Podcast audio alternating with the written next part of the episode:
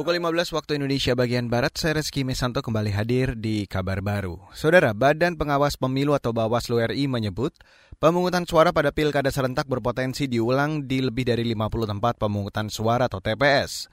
Mengutip antara, puluhan TPS bermasalah itu tersebar di 17 provinsi. Berdasarkan data Bawaslu hari ini, TPS bermasalah terbanyak ada di Sulawesi Tengah dan Sumatera Barat. Anggota Bawaslu Fritz Edward Sidagar mengatakan, Pemungutan suara ulang itu karena ada sejumlah penyebab. Di antaranya ada pemilih yang menggunakan hak pilih orang lain, ada pemilih yang tidak berhak menggunakan hak pilihnya, serta ada pemilih yang menggunakan hak pilih di lebih dari satu TPS. Bawaslu merekomendasikan pemungutan suara ulang dilaksanakan paling lambat pada Minggu 13 Desember mendatang. Kita beralih ke informasi selanjutnya, Saudara. Gedung Pengadilan Negeri Kabupaten Banyuwangi, Jawa Timur ditutup sementara setelah ada sejumlah pegawai yang dinyatakan positif COVID-19.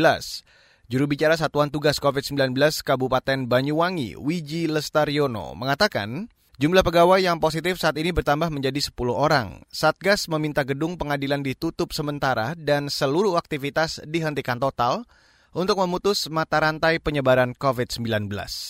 Dari beberapa yang di kena tracing di swab hasilnya empat positif.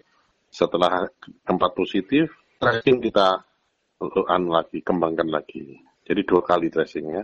Ah, kita kembangkan lagi, dapat empat lagi yang positif. Ya, ah. dan ya, terus kita sarankan ke ketua PN untuk menghentikan dulu kegiatan-kegiatan seperti persidangan dan lain-lainnya di kantor PN.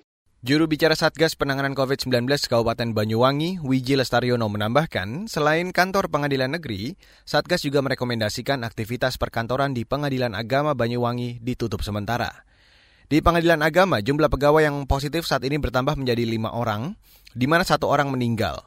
Kasus positif COVID-19 di Banyuwangi total mencapai 3.000 orang. Banyuwangi saat ini masih masuk zona oranye. Kita ke Kuba, saudara. Pemerintah Kuba memutuskan untuk menghentikan penggunaan dua mata uang mulai 2021 mendatang. Selama ini, Kuba merupakan satu-satunya negara di dunia yang memiliki dua mata uang, yaitu Kuba Peso dan Kuba Convertible Peso. Penggunaan mata uang ganda di Kuba sejak 1994 itu mengacaukan perekonomian negara, menimbulkan kebingungan dan perpecahan kelas sosial. Mengutip Associated Press, mulai 1 Januari mendatang, pemerintah Kuba akan menyatukan dua mata uang itu menjadi mata uang tunggal, yaitu peso. Nilai tukar satu peso adalah 24 peso per satu dolar Amerika Serikat. Dan saudara demikian kabar baru pukul 14, saya Reski Mesanto.